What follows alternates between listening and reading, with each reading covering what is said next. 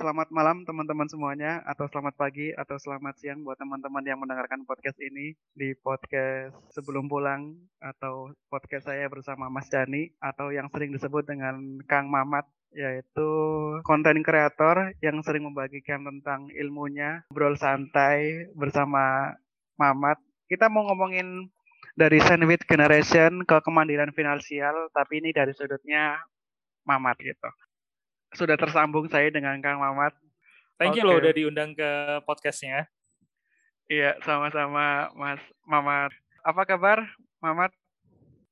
Baik-baik saja, baik-baik. Alhamdulillah baik, di tengah berita apa namanya banyaknya kasus-kasus baru corona gitu ya. Alhamdulillah masih diberikan kesehatan dan keselamatan. Semoga dirimu juga ya. Uh, manggilnya apa nih? Nufus untuk di podcastnya. Nufus. nufus saja, Nufus. Oke. Okay. Oke. Okay. Dirimu juga ya, Bro. Bro Nufus. Semoga sehat selalu ya.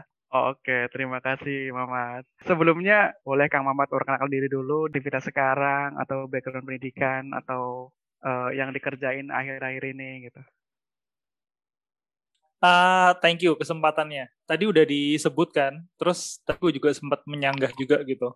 Ya. Kalau apa namanya, tanya banyak kenal sama Mamat gitu kan ya mungkin banyak tapi nggak semua orang kenal Mamat juga gitu.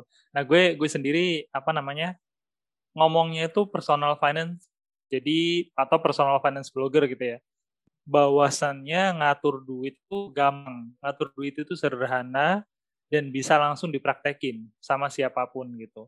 Jadi harapannya dengan apa dengan sharing di Instagram itu teman-teman yang baca itu nggak ragu-ragu lagi buat mulai ngatur duit Oke, lebih senangnya dua-duanya ya atau dipanggil salah satu? salah satu boleh, yang mana aja boleh, Bro. Panggilnya Mamat aja. Oke. Ini Mamat, aku masih tegang aja nih, Mamat. Siap, siap, Bro, siap. Oke, oke. Ini kan ngomongin Main lu tegang-tegang sama gue aja tegang lu. ya mungkin baru pertama gitu kan. Udah beberapa kali. Santai aja santai, kita ketawa-ketawa lah. Oke. Dulu ceritanya sempat itu termasuk sandwich generation Kang Mamat? Masih termasuk sandwich generation sampai sekarang. Okay, Jadi ya. bukan cuma dulu ya. Gitu. Jadi ya sampai sekarang masih sandwich generation, masih support orang tua, terus kemudian masih harus menghidupi keluarga juga gitu. Saya tanya dulu nih. Ini waktu Kang Mamat nih dulu sekolahnya basicnya tentang itu enggak apa ada jurusan-jurusan akuntansi ataupun hmm. ada nyambung-nyambungnya nggak kalau pekerjaan sekarang? Kalau lulusan apa kuliahnya sih dari teknik informatika. Jadi gua anak teknik banget gitu, teknik informatika tapi ya belajarnya yeah. programming, belajarnya tentang komputer, network dan sebagainya. Kalau sama kerjaan yang sekarang sama sekali nggak ada hubungannya bro gue. Jadi benar-benar oh. lari dari dunia apa? Dunia akademis gue itu dari background pendidikan terus kemudian benar-benar lari ke perbankan. Jadi nggak nyambung okay. sebenarnya. Kepikiran nggak sih ada pekerjaan seperti ini gitu? To be honest, waktu zaman gue kuliah gue tuh nggak kebayang kerjaan jadi banker terus kemudian yang sampai sekarang akhirnya jadi salah satu sambinya itu adalah konten kreator gitu ya. Bener-bener nggak kebayang dulu. Karena dulu zaman kuliah itu ya karena backgroundnya programming ya. Jadi di bayangan gue itu kalau misalkan kerja di bank ya adanya cuma teller dan customer service. Customer service. Itu kan ya bro ya. Iya. iya. Terus kemudian begitu lulus kuliah, gue apply ke bank untuk posisi waktu itu officer development programnya Bank Mandiri ya. Jadi uh, untuk officernya Bank Mandiri. Begitu lulus programnya manajemen trainee ternyata gue ditempatkan benar jadi customer service dulunya. Terus kemudian akhirnya di promote ke corporate banking. Nah, corporate banking ini menurut gue adalah salah satu profesi yang uh, bersentuhan langsung sama ekonomi Indonesia. C. Okay. Kenapa? Karena si corporate banking ini ngasih kredit buat perusahaan-perusahaan gede. Jadi perusahaan kayak segede Telkomsel, Indosat, Excel itu gue apa gue bisa bilang gue dulu yang ngasih gitu kreditnya. Oh. Salah satu yang ngasih. Oke, oke. Okay, okay. Kayak gitu. Berarti emang semenjak lulus itu langsung di di bank, di banking itu, Mamat. Iya. Semenjak lulus. gue langsung gue langsung kabur ke bank begitu lulus. Gue nggak nggak nggak nyoba-nyoba sama sekali dunia itu waktu itu. Waktu itu udah menanggung beban pengertian sandwich generation menghidupi generasi di atasnya dan menghidupi generasi di bawahnya. Waktu itu sudah sudah mengalami itu sandwich generation. Oh tentu sama. saja tidak, tentu saja belum dong. Di awal-awal okay. kerja gue malah bikin ini, bikin orang tua gue itu kejebak sama utang kartu kredit. Beliau beliau beliau berdua ini kejebak sama utang kartu kredit buat bayarin gue berangkat ke Jakarta tuh waktu itu. Narik kartu kreditnya di ATM, tarik tunai itu kartu kredit dan itu yeah. adalah yang paling gede gitu kan. Buat ngebayarin gue berangkat ke Jakarta untuk itu tes yang... di Bank Mandiri. Masa-masa awal kerja itu gue bukan di posisi yang menghidupi orang tua, jadi gue yang bikin mereka berdua itu terjebak di utang gede. Waktu itu, gitu. Kang Mamat langsung tahu nggak kejadian itu atau setelah beberapa hari cerita dari orang tua gitu? Oh, tentu saja tidak tidak tahu. Saya tidak tahu kalau saya telah menjerumuskan orang tua saya ke dalam jurang kenistaan utang kartu kredit. Aduh. Saya baru tahu kayak beberapa bulan setelahnya atau mungkin satu tahun setelah setelah saya menjerumuskan mereka gitu. Yeah. Karena waktu itu gue lagi apa lagi OJT on the job training gitu ya di training. unit kartu kreditnya Bank Mandiri. Nah, yeah. kami diajarin tuh di situ. Mana bunga yang paling besar dari transaksi-transaksi kartu kredit yang ternyata adalah bunga tarik tunai di ATM. Gitu. Itu bunganya gede banget dan dihitung sejak tanggal transaksi. Beda kayak kalau transaksi yang lain gitu kan. Penghitungan bunga setelah tanggal jatuh tempo. Tapi kalau tarik tunai di ATM, Hari itu tarik tunai, hari itu bunga langsung dihitung. Begitu tahu, wah, gue langsung shock gitu kan. Wah, gue ini yang menjerumuskan orang, orang tua gue ini di utang kartu kredit. Sejak itulah, gue bersumpah untuk apa pun kesulitan keuangan orang tua gue itu adalah tanggung jawab gue gitu. Mulai saat itu. Mulai saat itu. Ya anyway, anyway gini, ini yang mau yang mau gue tekan dari sejak uh, awal ya, bahwasannya situation is a bad condition. Menurut gue, karena gue berada di kondisi generation ya pretty much itu karena orang tua gue berusaha untuk membesarkan gue dengan baik dulu. Ya. Beliau beliau berdua ini uh, bapak bapak supir, ibu itu nggak lulus SD gitu kan, jadi buka apa namanya buka eh nggak lulus SMP, lulus SD tapi nggak lulus SMP. Bapak lulusan SMA, bapak supir kerjaannya, terus ibu itu buka toko buka toko apa sih kelontong ya toko kelontong yeah. buat support uh, penghasilan bapak. Nah beliau berdua sejak sejak dari kecil sejak dari gue kecil sampai kemudian gue lulus kuliah itu gue nggak pernah melihat beliau berdua itu bahagia gitu loh dengan uang yang mereka hasilkan selalu uangnya itu diputar buat pendidikan anak buat uang kuliah gue, uang kuliah A, terus kemudian ngebiayain gue berangkat ke Jakarta gitu kan. Nah, dengan kondisi seperti itu, gue itu nggak pernah menganggap ketika sekarang kemudian gue harus mensupport kehidupan mereka hmm. sebagai sesuatu yang buruk. Malah ini menurut gue adalah sebuah kondisi yang alhamdulillah gue masih bisa ada di dalam kondisi sekarang. Ya. Mensupport yeah. beliau berdua gitu. Jadi kapan gue ada di kondisi sandwich generation? Uh, I think like was uh, I think uh, I'm in this kind of condition like forever gitu. Sejak gue mulai kerja gitu kan mulai dapat penghasilan terus kemudian gue sadar kalau gue yang menjerumuskan orang tua tadi itu kan ke jurang utang yeah. kredit gitu ya gue yeah. yang ngedorong mereka masuk ke situ jadi ya apa pun yang gue hasilkan I devoted uh, my income for them gitu yeah. terus kemudian gue menikah nah ketika gue sudah menikah alhamdulillahnya penghasilan juga bertambah gitu kan nah yang gue kasih ke mereka bertambah juga cuma gue sekarang juga udah ada keluarga jadi ngatur duitnya aku dulu lebih kenceng lagi gitu ya jadi ya hmm. sel selama gue bekerja saya ingat gue ya gue support orang tua dan gue support diri sendiri dan keluarga gue juga gitu oke okay. tetap gitu. support orang tua sama keluarga sendiri juga ya berarti kang iya. Mamat nih Mamat waktu sudah kerja itu penghasilan ada beberapa yang disisikan langsung ke orang tua ada yang buat sendiri Yes. Atau waktu hmm. itu langsung udah orang tua butuh apa nanti kabarin aja Mamat bisa bantu gitu. Nah, seperti itu si enggak? orang tua orang tua gue itu ya, uh, gue udah bilang kalau sebelum gue menikah, gue udah bilang ini gajinya tak transfer semua ya ke orang tua gitu.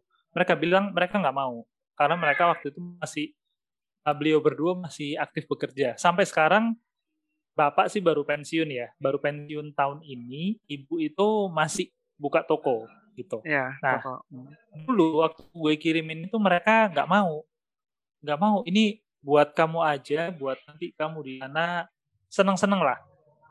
Yang bikin yang bikin gue semakin yakin bahwasanya gue harus support mereka adalah dengan kondisi bapak dan ibu yang bukan termasuk golongan mampu gitu. Ya. Ketika gue mau kirimin gaji, mereka bilang, ini buat kamu aja, kamu seneng-seneng sendiri dulu karena ketika kamu kecil sampai kamu dewasa, kami tuh nggak bisa bikin kamu seneng sebagai orang tua. Jadi kamu pakai buat beli baju, kamu pakai buat beli apa pun yang kamu pengen Yeah. beli, Uh, kamu nggak harus mikirin kami. Nah, dengan omongan kayak gitu, bukannya Tam. bukannya gue itu kayak yang asik gue ngasih mereka, bukan. Tapi malah tambah sedih. kayak, wah gue harus ngasih ini gitu kan. Kayak Iya, gitu iya. bro. Iya. Tapi waktu itu emang memang Bang Mamat waktu waktu itu emang apa? Aduh sedikit ramai di sini nih. Eh membelanjakan uangnya untuk tetap tetap kirim ke orang tua atau ada beberapa yang belanja buat menyenangkan diri sendiri. Oh tetap dong, tetap belanja buat menyenangkan diri sendiri karena beliau sudah ngomong kayak gitu gitu kan ya udah. Dan eh, gue turutin nasihatnya, gue eh, apa namanya tetap belanja buat menyenangkan diri sendiri.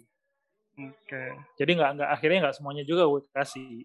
Meskipun ya gue bertekad untuk membantu untuk melunasi utang-utang orang tua gue ini. Mm-mm.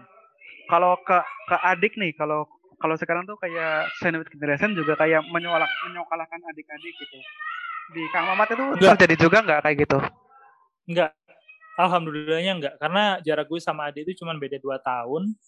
By the time gue lulus kuliah, nah, dia tuh udah di semester-semester akhir kuliah. Dan adik gue dulu itu kuliahnya, masuk kuliahnya itu dapat apa namanya, Beasiswa. eh, jalur siswa berprestasi gitu loh. Iya. Terus dia dapat beasiswa juga gitu. Terus pas gue training 2 tahun kan, ODP itu eh, kurang lebih 2 tahunan lah gue training.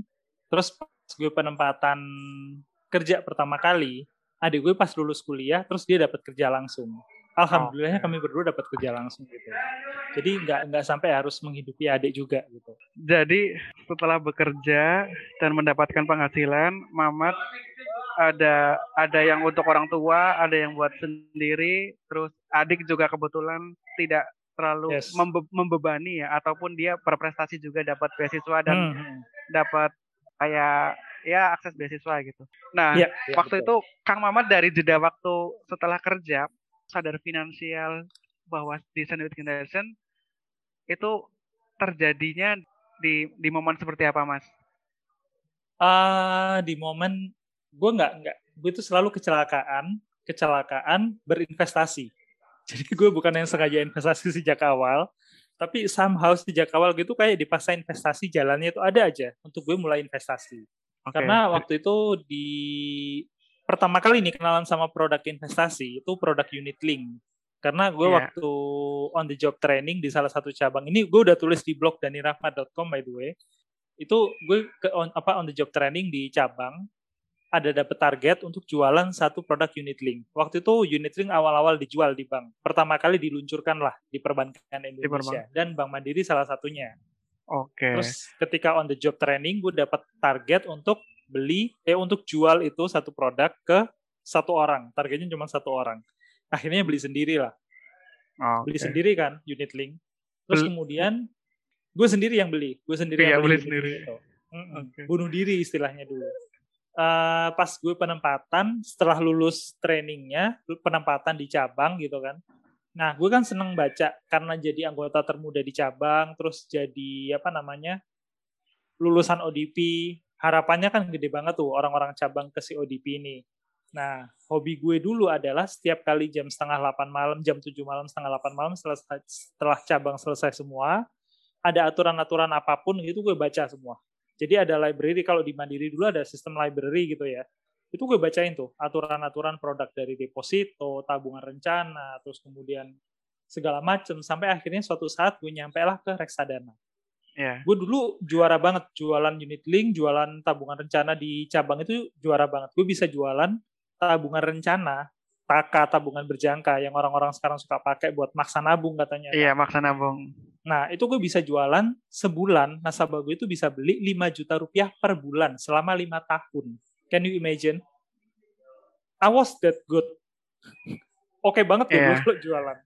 Terus kemudian gue nemulah si uh, apa namanya reksadana, aturannya tentang reksadana gitu.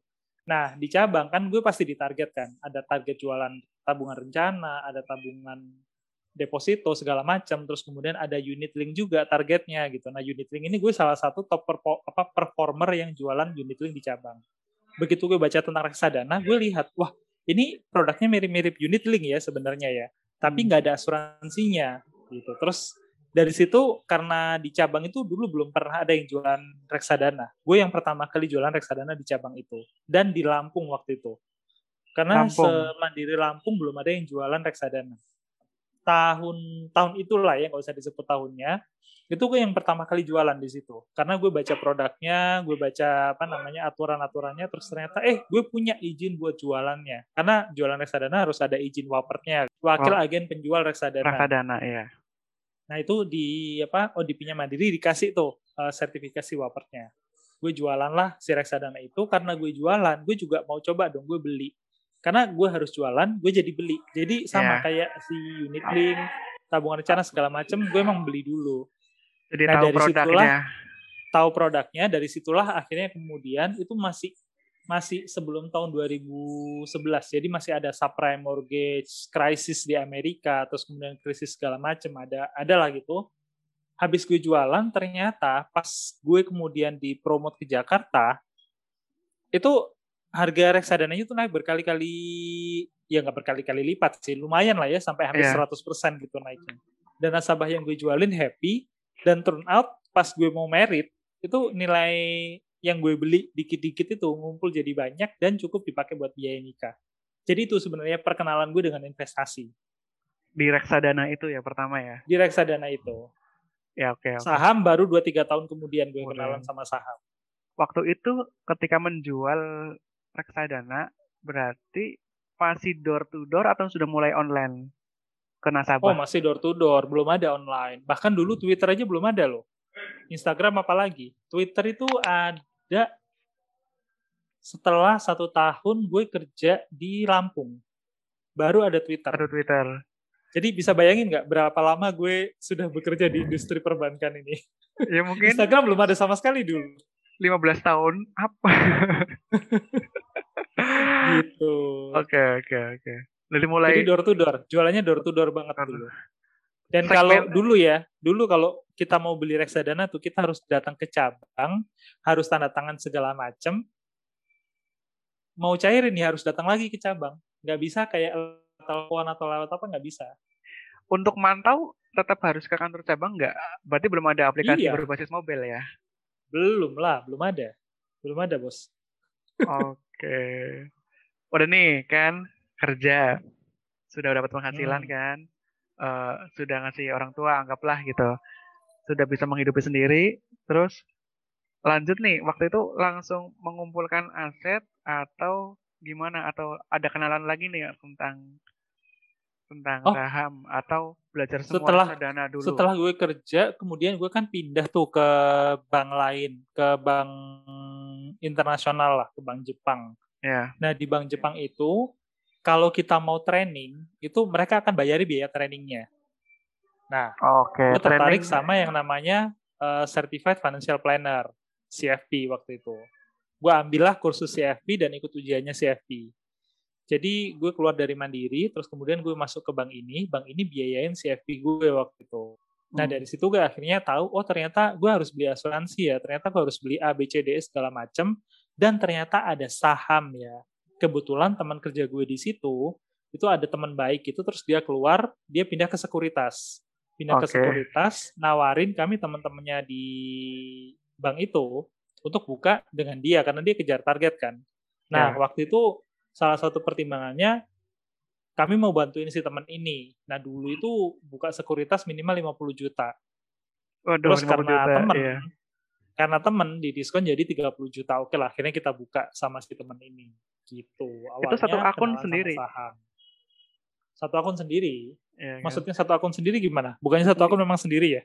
Enggak, itu kan bukan bukan sama teman, berarti kan kalau orang nggak oh, tahu kan. enggak enggak enggak, nama nama kita sendiri, nama kita oh, sendiri. Oh, nama masing-masing. Bukan gitu, bukan ya. atas nama teman, bukan dititipin, yeah. bukan. Bener-bener kayak kita buka akun sama teman gitu. Kalau kita mau buka asuransi sama teman ya asuransinya nama kita kan. Iya. Kayak gitu. Ber Terus akhirnya gue beli asuransi, gue beli segala macem, meskipun waktu itu gue belum nikah. Oke, berarti Mamat juga punya gelar CFP juga ya? sama WP. Dulu, sekarang sekarang gue nggak nggak pegang lagi. Itu itu gelar yang harus diperpanjang gitu ya? Ada masanya Betul. ya? Ada harus diperpanjang, harus bayar biaya keanggotaan dan sebagainya. Jadi gue nggak okay. nggak perpanjang okay. CCFP-nya. Oke, okay, dari Sunway Generation, terus udah belajar reksadana, terus udah bisa buka akun sekuritas lah, anggaplah apa sih RDI atau apa? lima Oh, belum ada waktu itu sekuritas rekening sekuritas waktu itu belum ada RDI. Jadi transfer 30 juta ya transfer ke rekening si sekuritasnya. Berarti atas namanya perusahaan. Betul, masih atas oh. nama perusahaan sekuritas. Berarti ini baru kemarin-kemarin. RDI baru kemarin-kemarin berarti nih. Coba di search RDI itu kapan pemberlakuannya? 2012 2013. Jadi oh. ya dari situ dari sebelum itulah gue kenal saham itu tapi nggak oh. lama setelah gue buka rekening terus kemudian RDI diberlakukan.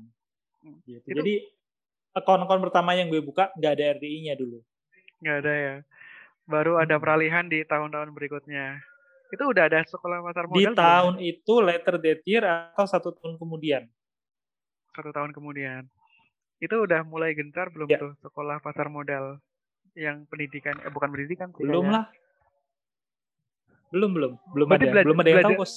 Belajar sendiri lagi, Mamat. Atau belajar teman sendiri, belajar dari teman, belajar dari yeah. teman.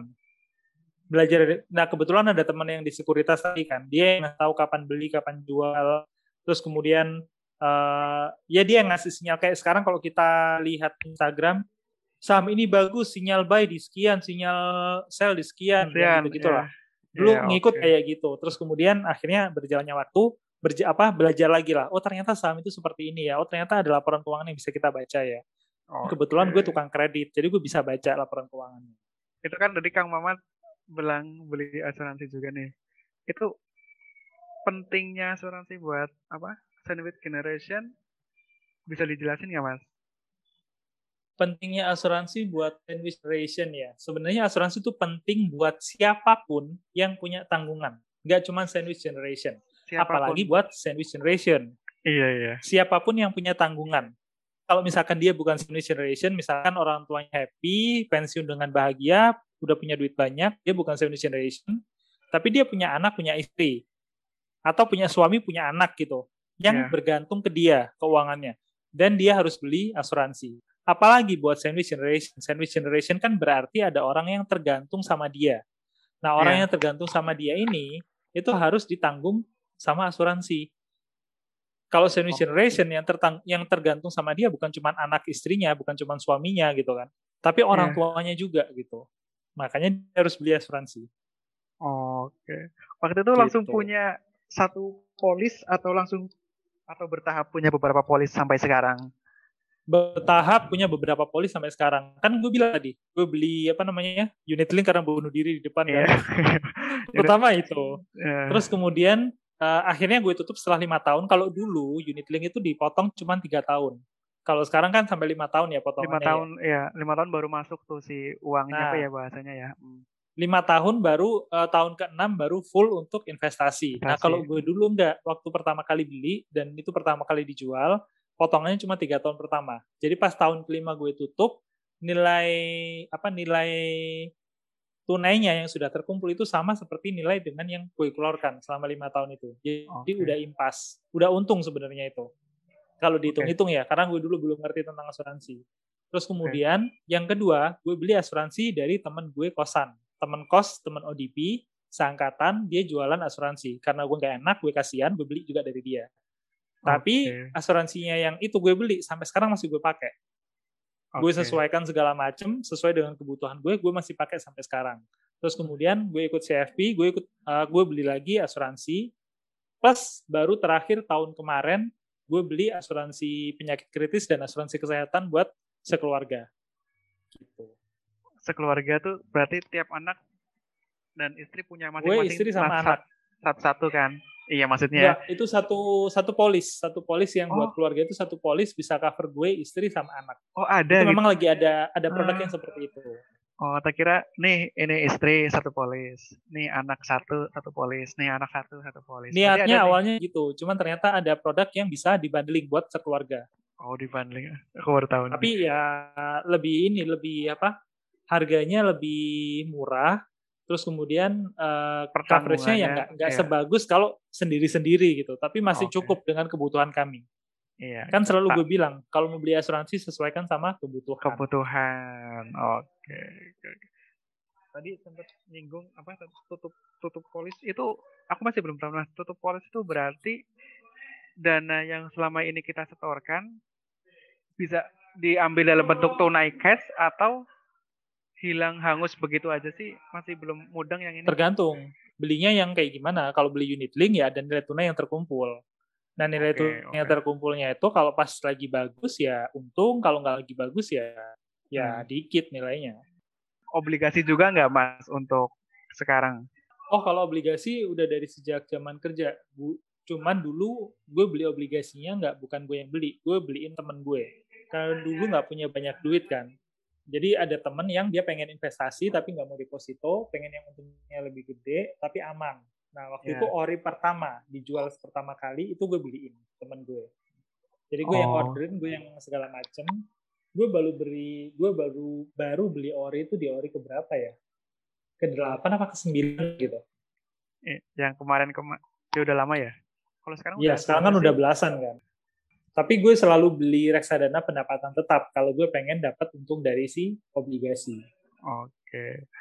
Gitu sebenarnya ini kompleks ya jadi ngobrolnya ke mana-mana nih dari arah sandwich generation tahu reksadana tahu saham tahu obligasi terus uh, panjang panjang bro iya nih ah, panjang nih gue mulai 2015 sudah aktif nulis di blog by the way jadi uh, tentang keuangan blog gue itu umurnya udah lama banget terus yeah. sejak 2015 jadi gue ngeblognya udah lama sebelum itu sejak 2015 gue baru aktif nulis tentang uh, personal finance di blog mulai tentang dana darurat, kenapa kok sebaiknya nggak tergoda sama tabungan, terus kemudian nggak tergoda sama apa namanya pinjaman-pinjaman segala macam ya. gue tulis di blog dan rahmat.com itu sejak 2015. Nah kalau di Instagram sejak tiga tahun yang lalu ya, gue baru mulai aktif uh, sharing tentang uh, personal finance ini. Oke, itu berarti website Dani Rahmat awalnya cerita-cerita bukan bukan tentang keuangan ya cerita kayak bukan bukan. Cerita tentang segala macam. Segala macam. Kalau mau masih bisa dibuka kok webnya. Iya ini masih dibuka silakan silakan. Masih dibuka sama aku nih. Oke. Okay. kalau apa nih? Kang Mamat kan sekarang apa ya mungkin sudah mulai uh, mandiri lah secara finansial gitu kan sebenarnya itu hal apa aja sih mas yang misalkan diperluin untuk anak sandwich generation men mencoba keluar atau mencoba memutus rantai sandwich generation gitu sebisa mungkin misalkan buat orang tua atau kan membelikan asuransi untuk mereka atau buat dana darurat buat orang tua dan sendiri gimana mas? Kalau untuk orang tua beliin asuransi mungkin kalau orang tuanya sudah sepuh susah kali ya karena asuransi kesehatan itu kan ada batasan umurnya untuk ditanggung. Yeah. Nah, kalau kayak gitu mungkin yang bisa dilakukan adalah daftarkan orang tuanya buat BPJS Kesehatan. Pertama itu. Terus kemudian untuk dana darurat orang tua, kalau memang mau menyiapkan dana darurat untuk orang tua, masukkan ke dalam hitungan dana darurat sendiri aja. Karena kalau duitnya dikasih ke orang tua, ya kalau gue nih ya, gue nggak bisa ngatur-ngatur nih duit yang udah gue kasih orang tua mau dipakai apa, terserah oh, aja belinya oh, mau pakai apa gitu. Iya, iya sih, iya. Jadi kalau mau bikinin dana darurat ya udah gue sendiri yang bikinin dana darurat. Gue masukin Di... ke dalam hitungan dana darurat kami. Oke. Dana darurat, iya sih. Gitu. Kalau dipikir-pikir emang karena mungkin kita ngasih terus kita ngatur-ngatur jangan buat ini bu jangan buat ini uh, apa uh, bu mah gitu jadi Malah sedih kan iya jadi meniat ngasih apa enggak sih gitu nah itu makanya Jadi lebih baik kita punya dana darurat yang khusus buat keluarga, khusus buat orang tua dan yang sendiri gitu ya. Jadi kalau udah apa-apa bisa langsung ngambil itu pun untuk kondisi yang sangat-sangat sangat darurat ya. Iya. Kalau tahapan nih Mas, kalau buat anak-anak muda biar tidak selalu kadang kan anak-anak muda tuh kayak merasa menyalahkan orang tua gitu. Atau ada beberapa yang atau termasuk aku pun kenapa kenapa aku ini ya jadi ada beban di aku gitu. Kadang kan orang anak kan kayak aduh baru gajian masa udah belum gajian malah masa udah udah diminta gitu. Kalau menurut Mamat gimana nih? Ya kalau itu sih tergantung cara kita ngomong ke orang tua ya. Mestinya kan orang tua juga kita kasih tahu kalau kita tuh punya problem, kita juga punya kebutuhan hidup gitu kan kita ajakin ngobrol beliau berdua. Nah, terus tanyain, kalau misalkan memang ada kebutuhannya, kemampuan saya cuma segini ya, Ma, Pa. Nah, apa okay. yang bisa kita lakukan gitu? Jangan diem-diem aja, terus habis itu dipikirin sendiri, malah stres sendiri gitu. Kalau nggak diomongin ke orang tua, bisa jadi memang orang tuanya uh, sebenarnya nggak tahu kondisi kita gitu kan. Tapi kalau misalkan ternyata memang orang tuanya ini termasuk golongan yang financial monster gitu ya, dari yeah. sejak muda mereka nggak bertanggung jawab, ya yeah. kita sebagai anak harus bilang, saya nggak bisa kalau support untuk kebutuhan mama papa yang seperti ini. Kebutuhan mama papa yang seperti ini, ya mama papa cari jalan keluarnya. Saya bisa support untuk misalkan kebutuhan hidupnya, kebutuhan dasar ya, makan minum atau listrik atau apa. Tapi kalau misalkan banyak soalnya yang curhat tentang yang orang tuanya masih suka belanja, masih suka apa.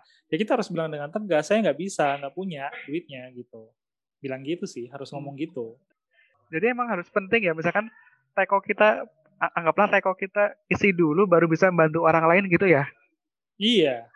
Gimana kita bisa bantu, kayak di pesawat lah, gimana kalau apa kita bisa bantu orang lain kalau kita nggak ngebantu diri kita dulu gitu. Pesawat aja gitu kan, kita naik pesawat terus mau jalan gitu kan, uh, nanti kalau misalkan terjadi kenapa-kenapa, masker oksigen itu harus kita pasang dulu.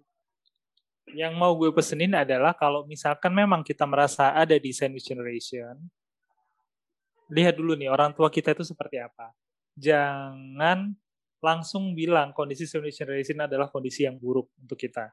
Karena kita nggak hmm. pernah tahu orang tua yang sudah uh, bukan nggak pernah tahu ya. Karena kita sendiri sebenarnya tahu yang sudah orang tua lakukan untuk kita itu apa gitu.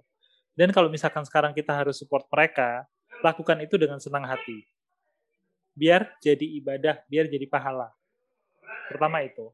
Terus kedua, kalau misalkan memang ternyata orang tua kita financial monster seperti yang gue bilang tadi, yeah. harus diomongin baik-baik sama orang tua. Gimana caranya untuk cari jalan keluarnya. Gitu. Terus yang ketiga, kalian merasa sebagai apa uh, kalian merasa sebagai sandwich generation. Apakah sudah benar kondisi itu menurut kalian? Jangan-jangan nih kalian merasa sebagai sandwich generation nggak bisa nabung, nggak bisa menyiapkan masa depan dan sebagainya. Jangan-jangan bukan salah orang tua nih yang harus sendiri. kita support, yeah. tapi salah sendiri karena kita nggak pernah ngawasin dengan baik keuangan kita kayak gimana. Kita nggak pernah mau belajar, kita nggak nggak pernah mau berusaha, kita spending habis-habisan, kita spending untuk segala hal yang nggak penting, sementara untuk diri kita sendiri di masa depan, kita nggak pernah ingat untuk spending itu. Gitu. Jadi, okay. jangan salahkan orang tua dan kondisi sandwich generation sebagai alasan kalian tidak bisa, tidak bisa menyiapkan masa depan. Oke, sebenarnya cukup sampai di sini, Mamat. Thank udah, you, thank you. Udah setengah jam. Terima kasih banget loh buat waktunya. Sama-sama, sama-sama. Oke. Okay. Anytime. Oke, okay. udah segitu aja. Terima kasih buat teman-teman. Semoga podcast ini bermanfaat dan sampai jumpa di podcast berikutnya.